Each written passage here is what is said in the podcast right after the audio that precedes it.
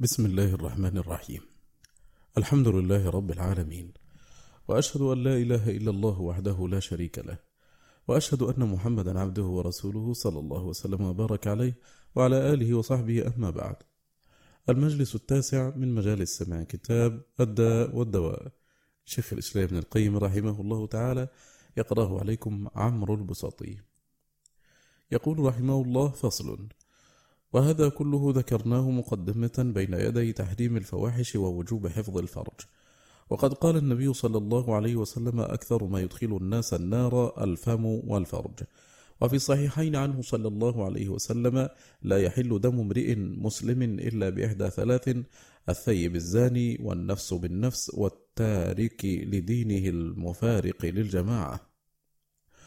وهذا الحديث في اقتران الزنا بالكفر وقتل النفس نظير الآية التي في الفرقان ونظير حديث ابن مسعود.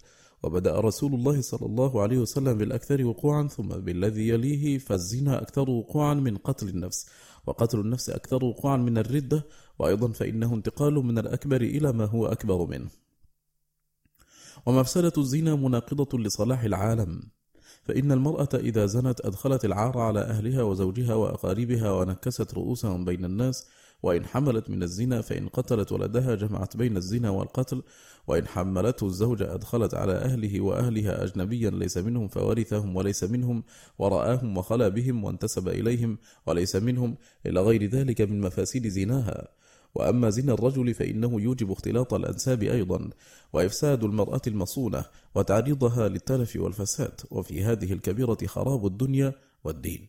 وإن عمرت القبور في البرزخ والنار في الآخرة فكم في الزنا من استحلال محرمات وفوات حقوق ووقوع مظالم ومن خاصته أنه يوجب الفقر ويقصر العمر ويكسو صاحبه سواد الوجه وثواب المقت بين الناس. ومن خاصيته أيضا أنه يشتت القلب ويمرضه إن لم يمته ويجلب الهم والحزن والخوف ويباعد صاحبه من الملك ويقرب منه الشيطان.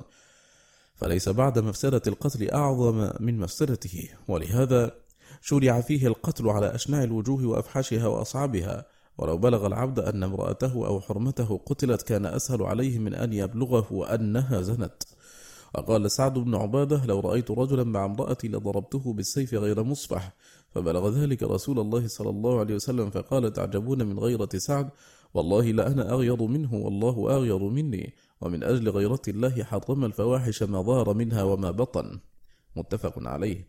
وفي الصحيحين أيضا عنه صلى الله عليه وسلم إن الله يغار وإن المؤمن يغار وغيرة الله أن يأتي العبد ما حرم عليه.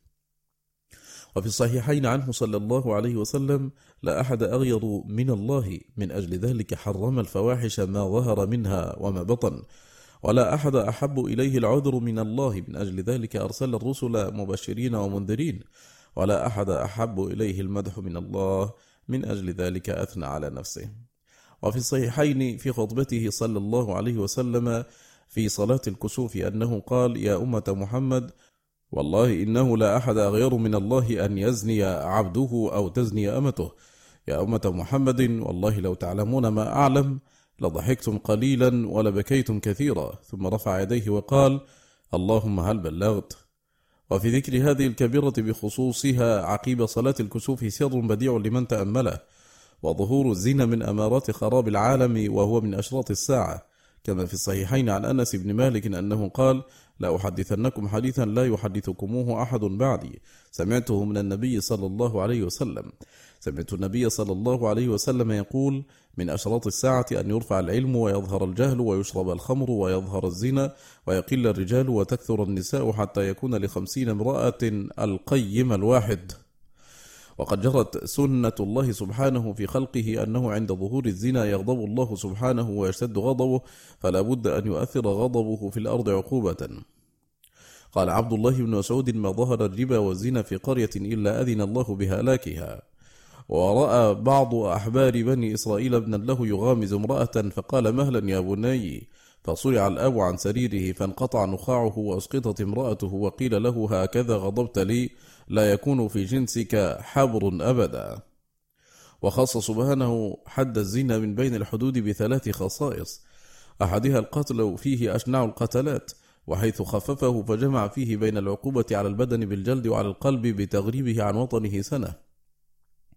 الثاني أنه نهى عباده أن تأخذهم بالزناة رأفة في دينه بحيث تمنعهم من إقامة الحد عليهم.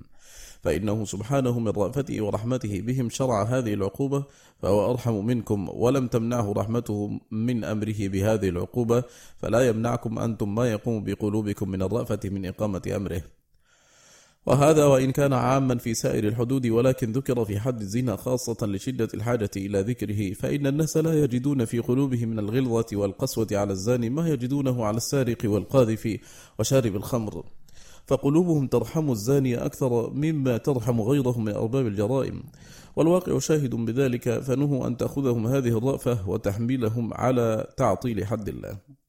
وسبب هذه الرحمة أن هذا ذنب يقع من الأشراف والأوساط والأرذال وفي النفوس أقوى الدواعي إليه والمشارك فيه كثير وأكثر أسبابه العشق. والقلوب مجبولة على رحمة العاشق وكثير من الناس يعد مساعدته طاعة وقربة وإن كانت الصورة المعشوقة محرمة عليه ولا يستنكر هذا الأمر فهو مستقر عندما شاء الله من أشباه الأنعام. ولقد حكي لنا من ذلك شيء كثير أكثره عن ناقصي العقول كالخدام والنساء. وأيضا فإن هذا ذنب غالب ما يقع من التر مع التراضي من الجانبين ولا يقع فيه من العدوان والظلم والاغتصاب ما ينفر النفوس منه. وفيها شهوة غالبة فتصور ذلك لنفسها فيقوم بها رحمة تمنع إقامة الحد. وهذا كله من ضعف الإيمان. وكمال الإيمان أن يقوم به قوة يقيم بها أمر الله ورحمة يرحم بها المحدود فيكون موافقا لربه تعالى في أمره ورحمته. الثالث أنه سبحانه أمر أن يكون حدهما بمشهد من المؤمنين فلا يكون خلوة حيث لا يراهما أحد وذلك أبلغ في مصلحة الحد وحكمة الزجر. وحد الزاني المحصن مشتق من عقوبة الله سبحانه لقوم لوط بالقذف بالحجارة وذلك لاشتراك الزنا لاشتراك الزنا واللواط في الفحش وفي كل منهما فساد يناقض حكمة الله في خلقه وأمره. فإن في اللواط من المفاسد ما يفوت الحصر والتعداد ولأن يقتل المفعول به خير له من أن يؤتى. فإن فإنه يفسد فإنه يفسد فسادا لا يرجى له بعده صلاح أبدا. ويذهب خيره كله وتمص الأرض ماوية الحياء من وجهه. فلا يستحي بعد ذلك لا من الله ولا من خلقه وتعمل في قلبه وروحه نطفة الفاعل ما يعمل السم في البدن. وقد اختلف الناس هل يدخل الجنة مفعول به على قولين سمعت شيخ الإسلام يحكيهما. والذين قالوا لا يدخل الجنة احتجوا بأمور منها أن النبي صلى الله عليه وسلم قال لا يدخل الجنة ولد زنية. فإذا كان هذا حال ولد الزان الزنا مع أنه لا ذنب له في ذلك ولكنه مظنة كل شر وخبث وهو جدير أن لا يجيء منه خير أبدا لأنه مخلوق من نطفة خبيثة. وإذا كان الجسد الذي تربى على الحرام النار أولى به فكيف بالجسد المخلوق من النطفة الحرام؟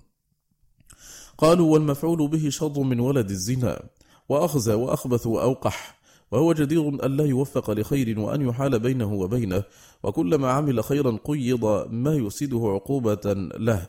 وقل أن ترى من كان كذلك في صغره إلا وهو في كبره شر مما كان ولا يوفق لعلم نافع ولا عمل صالح ولا توبة نصوح. والتحقيق في المسألة أن يقال تاب المبتلى بهذا البلاء وأناب ورزق توبة نصوحا وعملا صالحا وكان في كبره خيرا منه في صغره وبدل سيئاته بحسنات وغسل عار ذلك عنه بأنواع الطاعات والقربات وغض بصره وحفظ فرجه من المحرمات وصدق الله في معاملته فهذا مغفور له وهو من أهل الجنة. فإن الله يغفر الذنوب جميعا. وإذا كانت التوبة تمحو كل ذنب حتى الشرك بالله وقتل أنبيائه وأوليائه والسحر والكفر وغير ذلك فلا تقصر عن محو هذا الذنب. وقد استقرت حكمة الله به عدلا وفضلا أن التائب من الذنب كمن لا ذنب له. وقد ضمن الله سبحانه لمن تاب من الشرك وقتل النفس والزنا أنه يبدل سيئاته حسنات. وهذا حكم عام لكل تائب من كل ذنب. وقد قال الله تعالى قل يا عبادي الذين أسرفوا على أنفسهم لا تقنطوا من رحمة الله إن الله يغفر الذنوب جميعا إنه هو الغفور الرحيم. فلا يخرج من هذا العموم ذنب واحد ولكن هذا في حق التائبين خاصة. وأما مفعول به كان في كبره شرا مما كان في صغره لم يوفق لتوبة نصوح ولا لعمل صالح ولا استدرك ما فات ولا أحيا ما أمات ولا بدل السيئات بالحسنات فهذا بعيد أن يوفق عند الممات لخاتمة يدخل بها الجنة عقوبة له على عمله. فإن الله سبحانه يعاقب على السيئة بسيئة أخرى فتتضاعف عقوبة السيئات بعضها ببعض كما يثيب على الحسنة بحسنة أخرى. وإذا نظرت إلى كثير من المحتضرين وجدتهم يحال بينهم وبين حسن الخاتمة عقوبة لهم على أعمالهم السيئة.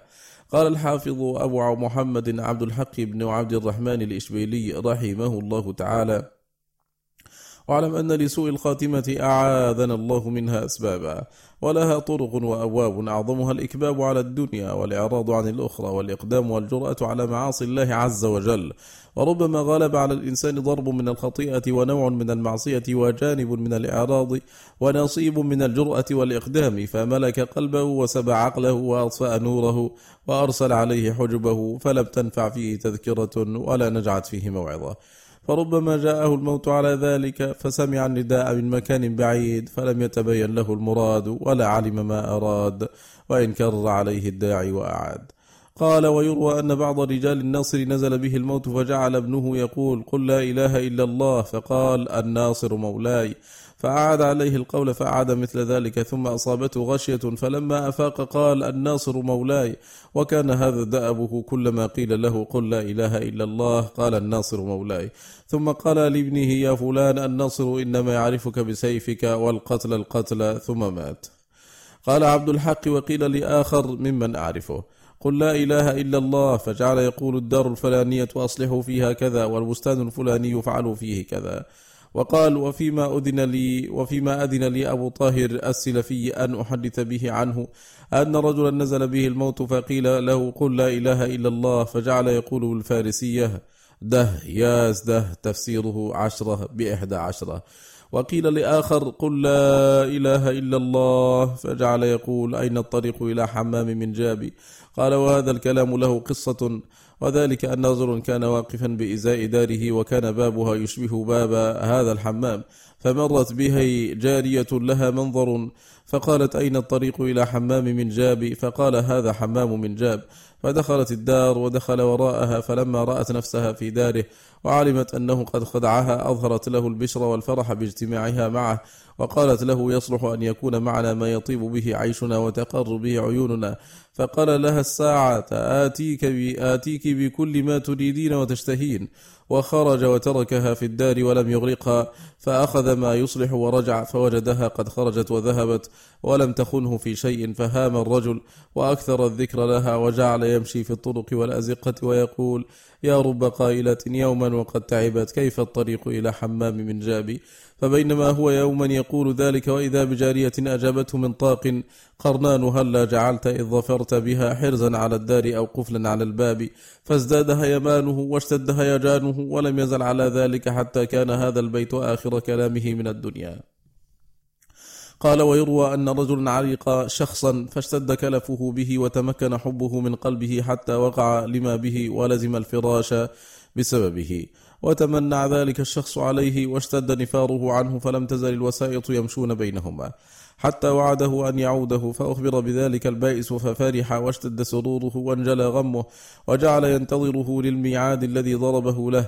فبينما هو كذلك إذ جاءه الساعي بينهما فقال إنه وصل معي إلى بعض الطريق ورجع فرغبت إليه وكلمته فقال إنه ذكرني وبرح بي ولا أدخل مداخل الريب ولا أعرض نفسي لمواقع التهم. فعاودته فأبى وانصرف فلما سمع البائس أسقط في يده وعاد إلى أشد مما كان به وبرت عليه علائم الموت فجعل يقول في تلك الحال أسلم يا راحة العليل ويا شفى المدن في النحيل. رضاك أشهى إلى فؤادي من رحمة الخالق الجليل.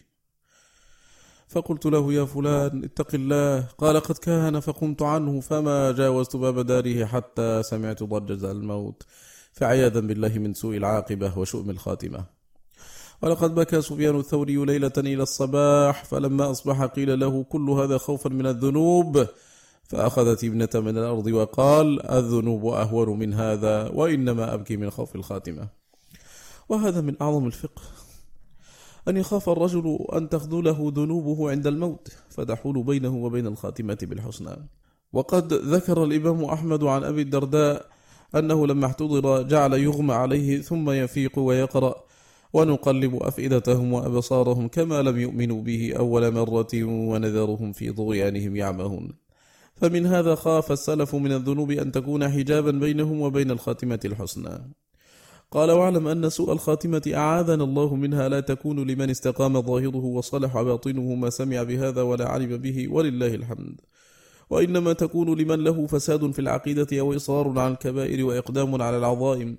فربما غلب ذلك عليه حتى ينزل به الموت قبل التوبة فيأخذه قبل إصلاح الطوية ويصطلم قبل الإنابة فيظفر به الشيطان عند تلك الصدمة ويختطفه عند تلك الدهشة والعياذ بالله. قال ويروى أنه كان بمصر رجل يلزم مسجدا للأذان والصلاة وعليه بهاء الطاعة وأنوار العبادة فرقي يوما المنارة على عادته للأذان وكان تحت المنارة دار لنصراني فاطلع فيها فرأى ابنة صاحب الدار فافتتن بها فترك الأذان ونزل إليها ودخل الدار عليها فقالت له ما شأنك؟ وما تريد؟ قال أريدك. قالت لماذا؟ قال قد سبيت لبي وأخذت بمجامع قلبي. قالت لا أجيبك إلى ريبة أبدا. قال أتزوجك؟ قالت أنت مسلم وأنا نصرانية وأبي لا يزوجني منك. قال لها أتنصر؟ قالت إن فعلت أفعل. فتنصر الرجل ليتزوجها وأقام معهم في الدار فلما كان في أثناء ذلك اليوم رقي إلى سطح كان في الدار فسقط منه فمات فلم يظفر بها وفاته دينه. فصل. ولما كانت مفسدة اللواط من أعظم المفاسد كانت عقوبته في الدنيا والآخرة من أعظم العقوبات. وقد اختلف الناس هل هو أغلظ عقوبة من الزنا أو الزنا أغلظ عقوبة منه أو عقوبتهما سواء على ثلاثة أقوال. فذهب أبو بكر الصديق وعلي بن أبي طالب وخالد بن الوليد وعبد الله بن الزبير وعبد الله بن عباس وجابر بن زيد وعبيد الله بن عبد الله بن معمر والزهري وربيعة بن أبي عبد الرحمن ومالك وإسحاق بن الراهواي هو الإمام أحمد في أصح الروايتين عنه والشافعي في أحد قوليه إلى أن عقوبته أغلظ من عقوبة الزنا وعقوبته القتل على كل حال محصنا كان أو غير محصن. وذهب عطاء بن أبي رباح والحسن البصري وسعيد بن المسيب وإبراهيم النخعي وقتادة والأوزاعي والشافعي في ظاهر مذهبه والإمام أحمد في الرواية الثانية عنه وأبو يوسف ومحمد إلى أن عقوبته وعقوبة الزاني سواء.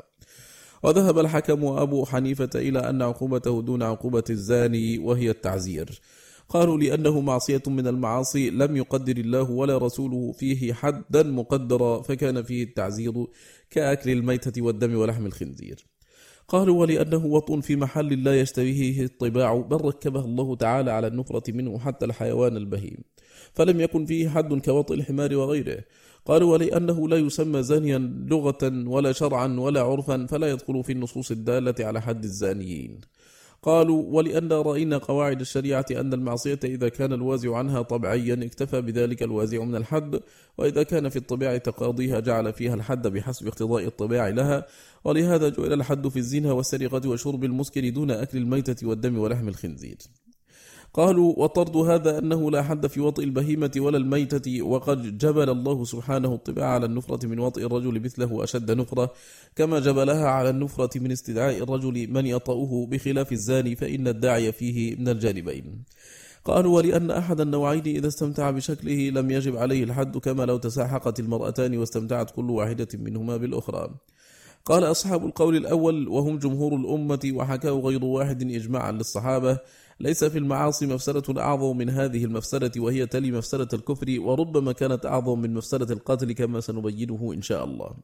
قالوا ولم يبتلي الله تعالى بهذه الكبيرة قبل قوم لوط أحدا من العالمين وعاقبهم عقوبة لم يعاقب بها أمة غيرهم وجمع عليهم من أنواع العقوبات من الإهلاك وقلب ديارهم عليهم والخسف بهم ورجمهم بالحجارة من السماء فنكل بهم نكالا لم ينكله بأمة سواهم وذلك لعظم مفسدة هذه الجريمة التي تكاد الأرض تميد من جوانبها إذا عملت عليها وتهرب الملائكة إلى أقطار السماوات والأرض إذا شاهدوها خشية نزول العذاب على أهلها فيصيبهم معهم وتعج الأرض إلى ربها تبارك وتعالى وتكاد الجبال تزول عن أماكنها.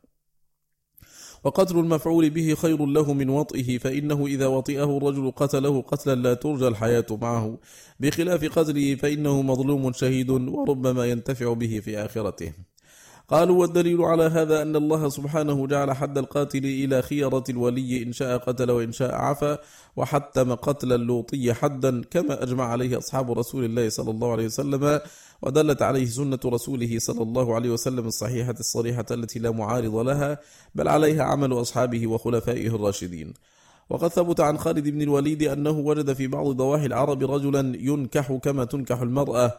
فكتب إلى أبي بكر الصديق فاستشار أبو بكر الصحابة رضي الله عنهم فكان علي بن أبي طالب أشدهم قولا فيه فقال ما فعل هذا إلا أمة من الأمم واحدة وقد علمتم ما فعل الله بها أرى أن يحرق بالنار فكتب أبو بكر إلى خالد فحرقه.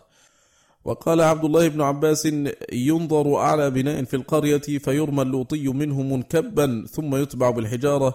وأخذ عبد الله بن عباس هذا الحد من عقوبة الله للوطية قوم لوط. وابن عباس هو الذي روى عن النبي صلى الله عليه وسلم من وجدتموه يعمل عمل قوم لوط فاقتلوا الفاعل والمفعول به. رواه أهل السنن وصححه ابن حبان وغيره. واحتج الإمام أحمد بهذا الحديث وإسناده على شرط البخاري. قالوا وثبت عنه أنه قال لعن الله من عمل عمل قوم لوط لعن الله من عمل عمل قوم لوط لعن الله من عمل عمل قوم لوط. ولم تجئ عنه لعنة الزاني في حديث واحد؟ وقد لعن جماعة من أهل الكبائر فلم يتجاوز بهم في اللعنة مرة واحدة وكرر لعن اللوطية فأكده ثلاث مرات. وأطبق أصحاب رسول الله صلى الله عليه وسلم على قتله لم يختلف فيه منهم رجلان وإنما اختلفت أقوالهم في صفة قتله فظن بعض الناس أن ذلك اختلاف منهم في قتله فحكاها مسألة نزاع بين الصحابة وهي بينهم مسألة إجماع لا مسألة نزاع. قالوا ومن تأمل قوله سبحانه ولا تقربوا الزنا إنه كان فاحشة وساء سبيلا. وقوله في اللواط أتأتون الفاحشة ما سبقكم بها من أحد من العالمين؟ تبين له تفاوت ما بينهما. فإنه سبحانه نكر الفاحشة في الزنا أي هو فاحشة من الفواحش وعرفها في اللواط وذلك يفيد أنه جامع لمعاني اسم الفاحشة كما تقول زيد الرجل ونعم الرجل زيد. أي تأتون الخصلة التي استقر فحشها عند كل أحد فهي لظهور فحشها وكمال غن وكماله غنية عن ذكرها بحيث لا ينصرف الاسم إلى غيرها. وهذا نظير قول فرعون لموسى وفعلت فعلتك التي فعلت أي الفعلة الشنعاء الظاهرة المعلومة لكل أحد.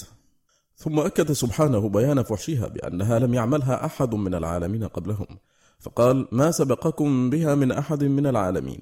ثم زاد في التأكيد بأن صرح بما تشمئز منه القلوب وتنبو عنه الأسماع وتنفر منه أشد النفرة الطباع وهو إتيان الرجل رجلا مثله ينكحه كما ينكح الأنثى فقال إنكم لتأتون الرجال. ثم نبه على استغنائهم عن ذلك وأن الحامل لهم عليه ليس إلا مجرد الشهوة لا الحاجة التي لأجلها مال الذكر إلى الأنثى من قضاء الوطر ولذة الاستمتاع وحصول المودة والرحمة التي تنسى المرأة لها أبويها وتذكر بعلها وحصول النسل الذي هو حفظ هذا النوع الذي هو أشرف المخلوقات وتحصيل المرأة وقضاء وطرها وحصول علاقة المصاهرة التي هي أخت النسب. وقيام الرجال على النساء وخروج أحب الخلق إلى الله من جماعهن كالأنبياء والأولياء والصالحين ومكاثرة النبي صلى الله عليه وسلم الأنبياء بأمته. إلى غير ذلك من مصالح النكاح. والمفسدة التي في اللواط تقاوم ذلك كله وتربي عليه بما لا يمكن حصر فساده ولا يعلم تفصيله إلا الله. ثم أكد قبح ذلك بأن اللوطية عكسوا فطرة الله التي فطر عليها الرجال وقلبوا الطبيعة التي ركبها الله في الذكور وهي شهوة النساء دون شهوة الذكور.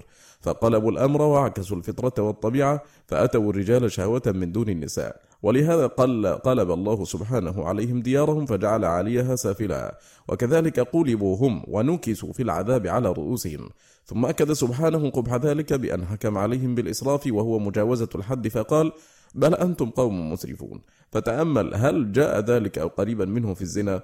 وأكد سبحانه ذلك عليهم بقوله ونجيناهم من القريات التي كانت تعمل الخبائث ثم أكد عليهم الذم بوصفين في غاية القبح فقال إنهم كانوا قوم سوء فاسقين وسماهم مفسدين في قول نبيهم رب انصرني على القوم المفسدين. وسماهم ظالمين في قول الملائكة لإبراهيم إن مهلكوا أهل هذه القرية إن أهلها كانوا ظالمين. فتأمل من عقب بمثل هذه العقوبات ومن ذمه الله بمثل هذه المذمات. ولما جادل فيهم خليله إبراهيم الملائكة وقد أخبره بإهلاكهم قيل له يا إبراهيم أعرض عن هذا إنه قد جاء أمر ربك وإنهم آتيهم عذاب غير مردود. وتأمل خبث اللوطية وفرط تمردهم على الله حيث جاءوا نبيهم لوطا لما سمعوا بأنه قد طرقه أضياف هم من أحسن البشر صورا. فأقبل اللوطية إليه يهرولون فلما رآهم قال لهم يا قوم هؤلاء بناتي هن أطهر لكم. ففدى أضيافه ببناته يزوجهم بهن خوفا على نفسه وأضيافه من العار الشديد فقال يا قوم هؤلاء بناتي هن أطهر لكم فاتقوا الله ولا تخزوني في ضيفي أليس منكم رجل رشيد؟ فردوا عليه ولكن رد جبار عنيد لقد علمت ما لنا في بناتك من حق وإنك لتعلم ما نريد. فنفث نبي الله نفثة مصدود وخرجت من قلب مكروب عميد فقال لو أن لي بكم قوة أو آوي إلى ركن شديد فنفس له رسل الله وكشفوا له عن حقيقة الحال وأعلموه أنهم ليسوا ممن يوصل إليهم ولا إليه بسببهم فلا تخف منهم ولا تعبأ بهم وهون عليك. فقالوا يا لوط إن رسل ربك لن يصلوا إليك. وبشروه بما جاءوا به من الوعد له ولقومه من الوعيد المصيب فقالوا فأسر بأهلك بقطع من الليل ولا يلتفت منكم أحد إلا امرأتك إنه مصيبها ما أصابهم إن موعدهم الصبح. فاستبطأ نبي الله موعد هلاكهم وقال أريد أعجل من هذا. فقالت الملائكة أليس الصبح بقريب؟ فوالله ما كان بين هلاك أعداء الله ونجاة نبيه وأوليائه إلا ما بين السحر وطلوع الفجر.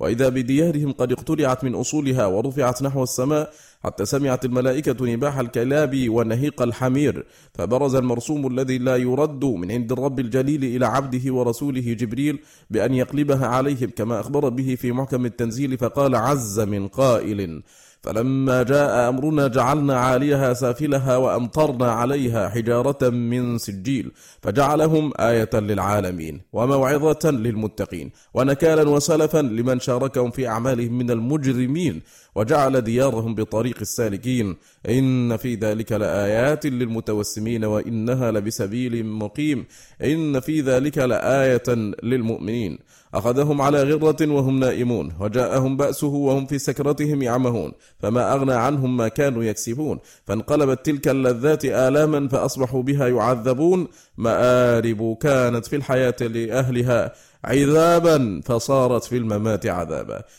ذهبت اللذات وأعقبت الحسرات وانقضت الشهوة وأورثت الشقوى. تمتعوا قليلا وعذبوا طويلا. رتعوا مرتعا وخيما فأعقبهم عذابا أليما. أسكرتهم خمرة تلك الشهوة فما استفاقوا منها إلا في ديار المعذبين. وأرقدتهم تلك الغفلة فما استيقظوا إلا وهم في منازل الهالكين. فندموا والله أشد الندامة. حين لا ينفع الندم. وبكوا على ما أسلفوه بدل الدموع بالدم.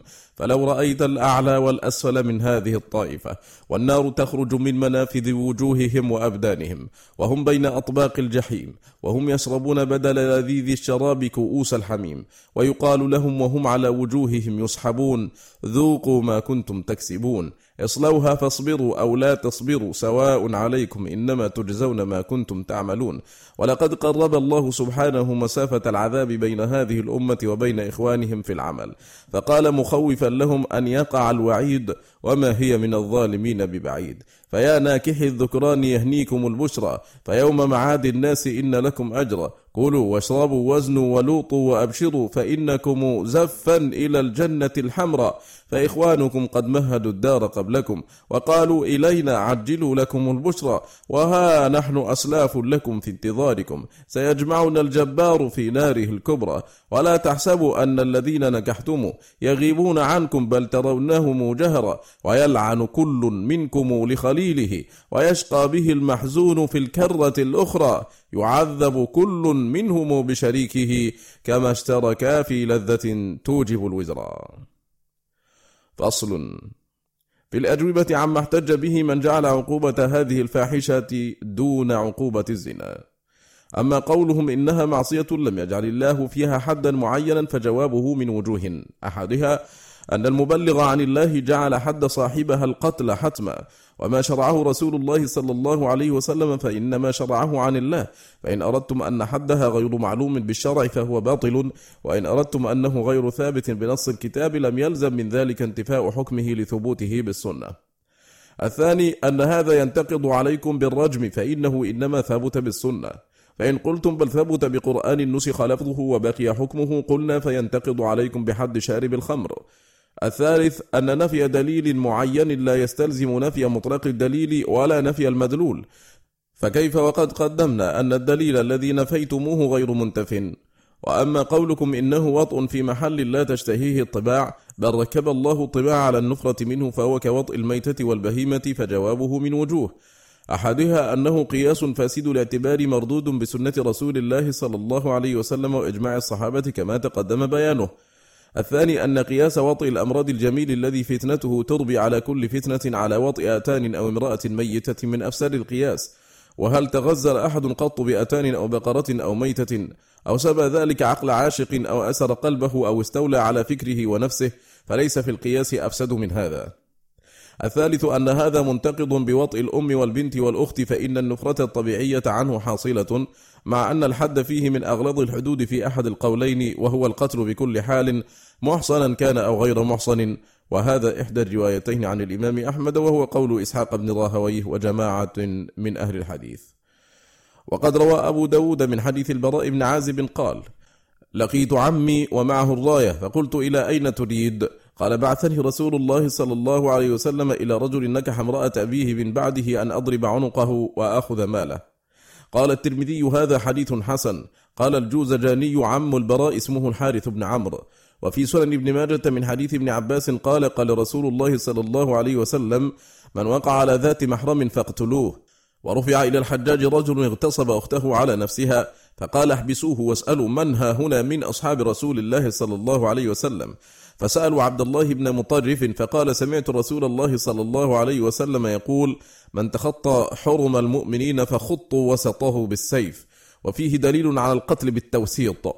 وهذا دليل مستقل في المسألة وهو أن من لا يباح وطئه بحال فحد وطئه القتل. دليله من وقع على أمه وابنته وكذلك يقال في وطئ ذوات المحارم ووطئ من لا يباح له وطئه بحال فكان حده القتل كاللوطي والتحقيق أن يستدل على المسألتين بالنص والقياس يشهد لصحة كل منهما. وقد اتفق المسلمون على أن من زنى بذات محرم فعليه الحد وإنما اختلفوا في صفة الحد هل هو القتل بكل حال أو حده حد الزاني على قولين.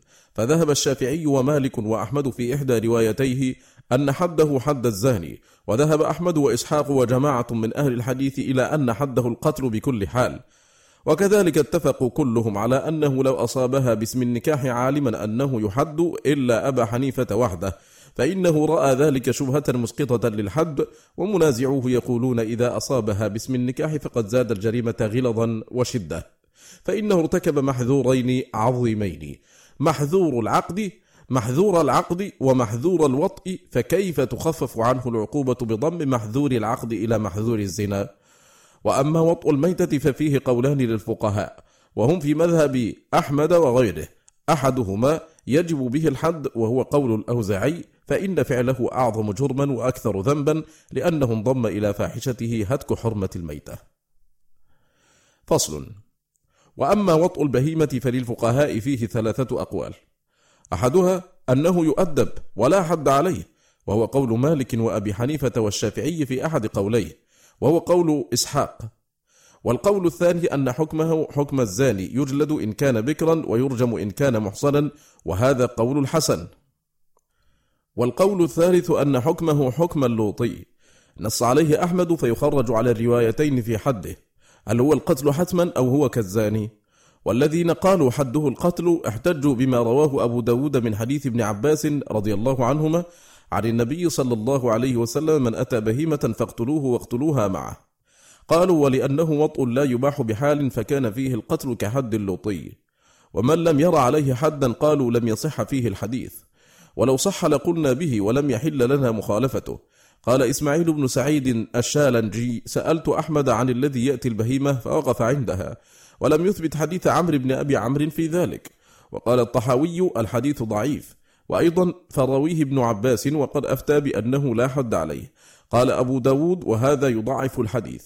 ولا ريب أن الزاجر الطبعي عن إتيان البهيمة أقوى من الزاجر الطبعي عن التلوط وليس الأمران في طباع الناس سواء فإلحاق أحدهما بالآخر من أفسد القياس كما تقدم. فصل وأما قياسكم وطأ الرجل لمثله على تدالك المرأتين فمن أفسد القياس إذ لا إيلاج هناك. وإنما نظيره مباشرة الرجل الرجل من غير إيلاج على أنه قد جاء في بعض الآثار المرفوعة إذا أتت المرأة المرأة فهما زانيتان ولكن لا يجب الحد بذلك لعدم الإيلاج وإن أطلق عليهما اسم الزنا العام كزنا العين واليد والرجل والفم.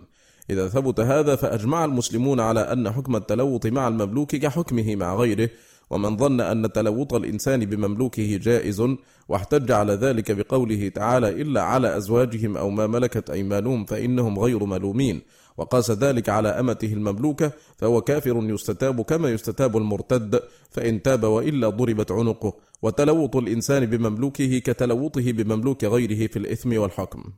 فصل. وإن قيل وهل مع ذلك كله من دواء لهذا الداء العضال ورقية لهذا السحر القتال وما الاحتيال لدفع هذا الخبال؟ وهل من طريق قاصد إلى التوفيق؟ وهل يمكن السكران بخمرة الهوى أن يفيق؟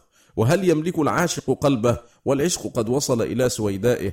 وهل للطبيب بعد ذلك حيلة في برئه من سوء دائه؟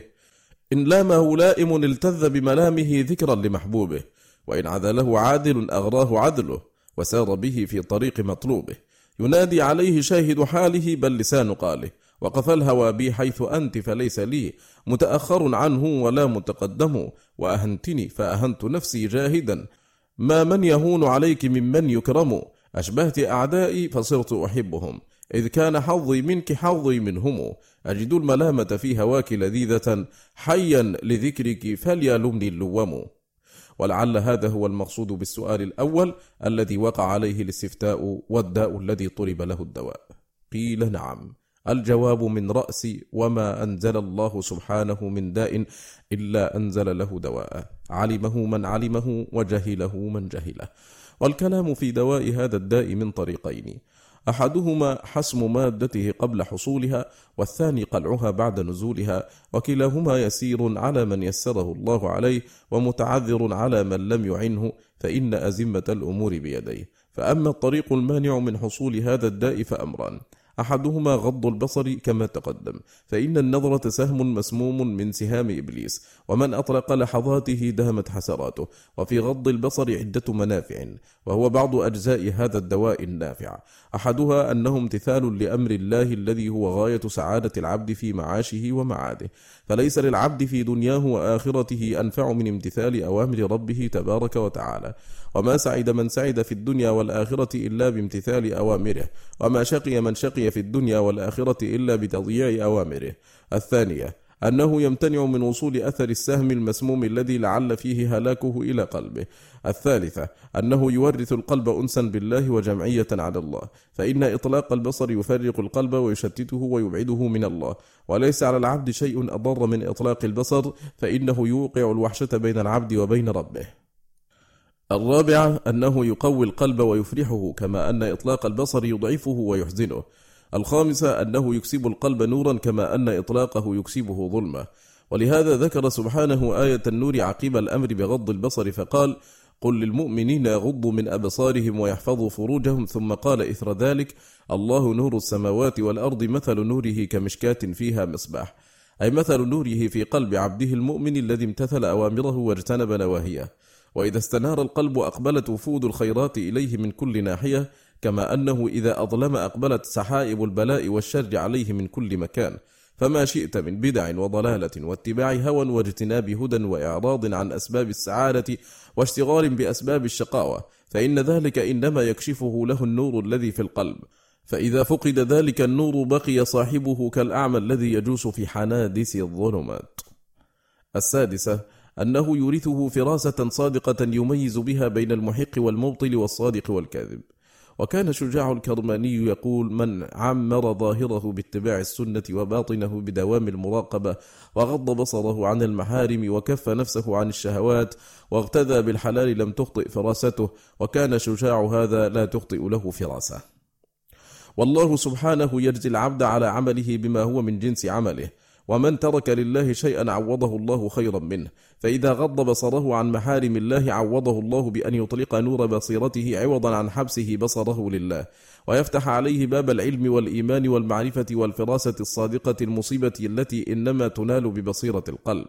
وضد هذا ما وصف الله به اللوطية من العمه الذي هو ضد البصيرة فقال تعالى لعمرك إنهم لفي سكرتهم يعمهون فوصفهم بالسكرة التي هي فساد العقل والعمى الذي هو فساد البصيرة فالتعلق بالصور يوجب فساد العقل وعمها البصيرة وسكر القلب كما قال القائل سكران سكر هوى وسكر مدامة ومتى إفاقة من به سكران؟ وقال الآخر قالوا جننت بمن تهوى فقلت لهم العشق أعظم مما بالمجانين العشق لا يستفيق الدهر صاحبه وإنما يصرع المجنون في الحين. السابعة أنه يورث القلب ثباتا وشجاعة وقوة فيجمع الله له بين سلطان البصيرة والحجة وسلطان القدرة والقوة كما في الأثر الذي يخالف هواه يفرق الشيطان من ظله. وضد هذا تجد في المتبع لهواه من ذل النفس ووضاعتها ومهانتها وخستها وحقارتها ما جعله الله سبحانه في من عصاه. كما قال الحسن إنهم وإن طقطقت بهم البغال وهملجت بهم البراذين إن ذل المعصية في رقابهم أبى الله إلا أن يذل من عصاه. وقد جعل الله سبحانه العز قرين طاعته والذل قرين معصيته. فقال تعالى ولله العزة ولرسوله وللمؤمنين. وقال ولا تهنوا ولا تحزنوا وأنتم الأعلون إن كنتم مؤمنين. والإيمان قول وعمل ظاهر وباطن. وقال تعالى من كان يريد العزة فلله العزة جميعا. إليه يصعد الكلم الطيب والعمل الصالح يرفعه. أي من كان يريد العزة فليطلبها بطاعة الله وذكره من الكلم الطيب والعمل الصالح. وفي دعاء القنوت إنه لا يذل من واليت ولا يعز من عاديت. ومن أطاع الله فقد والاه فيما أطاعه فيه وله من العز بحسب طاعته. ومن عصاه فقد عاداه فيما عصاه فيه وله من الذل بحسب معصيته. الثامنة أنه يسد على الشيطان مدخله إلى القلب فإنه يدخل مع النظرة وينفذ معها إلى القلب أسرع من نفوذ الهواء في المكان الخالي. فيمثل له حسن صورة المنظور إليه ويزينها ويجعلها صنما يعكف عليه القلب ثم يعده ويمنيه ويوقد على القلب نار الشهوة ويلقي عليه حطب المعاصي التي لم يكن يتوصل إليها بدون تلك الصورة. فيصير القلب في اللهيب. فمن ذلك اللهيب تلك الأنفاس التي يجد فيها وهج النار وتلك الزفرات والحروقات. فإن القلب قد أحاطت به النيران من كل جانب فهو في وسطها كالشاة في وسط التنور. ولهذا كانت عقوبة أصحاب الشهوات للصور المحرمة أن جعل لهم في البرزخ تنور من نار وودعت أرواحهم فيه إلى يوم حشر أجسادهم كما أراه الله تعالى لنبيه صلى الله عليه وسلم في المنام في الحديث المتفق على صحته. التاسعة أنه يفرغ القلب للفكرة في مصالحه والاشتغال بها وإطلاق البصر يشتته عن ذلك ويحول بينه وبينه فينفرط عليه أموره ويقع في اتباع هواه وفي الغفلة عن ذكر ربه. قال تعالى ولا تطع من أغفلنا قلبه عن ذكرنا واتبع هواه وكان أمره فرطا. وإطلاق النظر يوجب هذه الأمور الثلاثة بحسبه. العاشرة أن بين العين والقلب منفذا وطريقا يوجب انفعال أحدهما عن الآخر. وأن يصلح بصلاحه ويفسد بفساده. فإذا فسد القلب فسد النظر وإذا فسد النظر فسد القلب. وكذلك في جانب الصلاح فإذا خربت العين وفسدت خرب القلب وفسد وصار كالمزبلة التي هي محل النجاسات والقاذورات والأوساخ فلا يصلح لسكنى معرفة الله ومحبته والإنابة إليه والأنس به والسرور بقربه فيه وإنما يسكن فيه أضداد ذلك. فهذه إشارة إلى بعض فهذه إشارة إلى بعض فوائد غض البصر تطلعك على ما وراءها. فصل الثاني اشتغال القلب بما يصده عن ذلك ويحول بينه وبين الوقوع فيه، وهو إما خوف مقلق أو حب مزعج، فمتى خلى القلب من خوف ما فواته أضر عليه من حصول هذا المحبوب أو خوف ما حصوله أضر عليه من فوات هذا المحبوب أو محبة ما هو أنفع له وخير له من هذا المحبوب وفواته أضر عليه من فوات هذا المحبوب لم يجد بدا من عشق الصور. وشرح هذا أن النفس لا تترك محبوبا إلا لمحبوب أعلى منه أو خشية مكروه حصوله أضر عليها من فوات هذا المحبوب. وهذا يحتاج صاحبه إلى أمرين إن فقدا أو أحدهما لم ينتفع بنفسه. أحدهما بصيرة صحيحة يفرق بها بين درجات المحبوب والمكروه فيؤثر أعلى المحبوبين على أدناهما ويحتمل أدنى المكروهين ليخلص من أعلاهما وهذا خاصة العقل. ولا يعد عاقلا من كان بضد ذلك بل قد تكون البهائم أحسن حالا منه. الثاني قوة عزم وصبر يتمكن بها من هذا الفعل والترك فكثيرا ما يعرف الرجل قدر التفاوت ولكن يأبى له ضعف نفسه وهمته وعزيمته على إيثار الأنفع من جشعه وحرصه ووضاعة نفسه وخسة همته ومثل هذا لا ينتفع بنفسه ولا ينتفع به غيره. وقد منع الله سبحانه إمامة الدين إلا من أهل الصبر واليقين فقال تعالى وبقوله يهتدي المهتدون وجعلنا منهم أئمة يهدون بأمرنا لما صبروا وكانوا بآياتنا يوقنون. وهذا هو الذي ينتفع بعلمه وينتفع به الناس وضده لا ينتفع بعلمه ولا ينتفع به غيره. ومن الناس من ينتفع بعلمه في نفسه ولا ينتفع به غيره. فالأول يمشي في نوره ويمشي الناس في نوره والثاني قد طفئ نوره قد طفئ نوره فهو يمشي في الظلمات ومن تبعه في ظلمته والثالث يمشي في نوره وحده. فصل. إذا عرفت هذه المقدمة فلا يمكن أن يجتمع في القلب حب المحبوب الأعلى وعشق الصور أبدا بل هما ضدان لا يتلاقيان بل لا بد أن يخرج أحدهما صاحبه فمن كانت قوة حبه كلها للمحبوب الأعلى الذي محبة ما سواه باطلة وعذاب على صاحبها صرفه ذلك عن محبة ما سواه وإن أحبه لم يحبه إلا لأجله ولكونه وسيلة له إلى محبته أو قاطعا له عما يضاد محبته وينقضها. والمحبة الصادقة تقتضي توحيد المحبوب وألا يشرك بينه وبين غيره في محبته. وإذا كان المحبوب من الخلق يأنف ويغار أن يشرك محبه غيره في محبته ويمقته لذلك ويبعده ولا يحظيه بقربه ويعده كاذبا في دعوى محبته مع أنه ليس أهلا لصرف قوة المحبة إليه فكيف بالحبيب الأعلى الذي لا تنبغي المحبة إلا له وحده؟ وكل محبة لغيره فهي عذاب على صاحبها ووبال. ولهذا لا يغفر الله سبحانه أن يشرك به في هذه المحبة ويغفر ما دون ذلك لمن يشاء. فمحبة الصور تفوت محبة ما هو أنفع للعبد منها بل تفوت محبة ما ليس له صلاح ولا نعيم ولا حياة نافعة إلا بمحبته وحده فليختر إحدى المحبتين فإنهما لا تجتمعان في القلب ولا ترتفعان منه بل من أعرض عن محبة الله وذكره والشوق إلى لقائه ابتلاه بمحبة غيره فيعذبه بها في الدنيا وفي البرزخ وفي الآخرة. فإما أن يعذبه بمحبة الأوثان أو بمحبة الصلبان أو بمحبة النيران أو محبة المردان أو محبة النسوان أو محبة الأثمان أو محبة العشراء والخلان أو محبة ما دون ذلك مما هو في غاية الحقارة والهوان.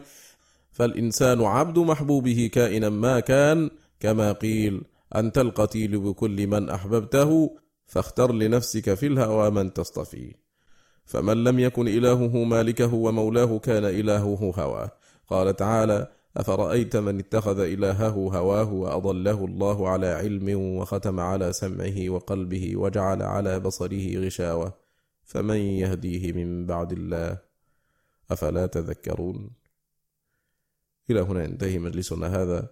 على خير بإذن الله نلقاكم وصلى الله وسلم وبارك عليه وعلى آله وصحبه. والسلام عليكم ورحمة الله تعالى وبركاته.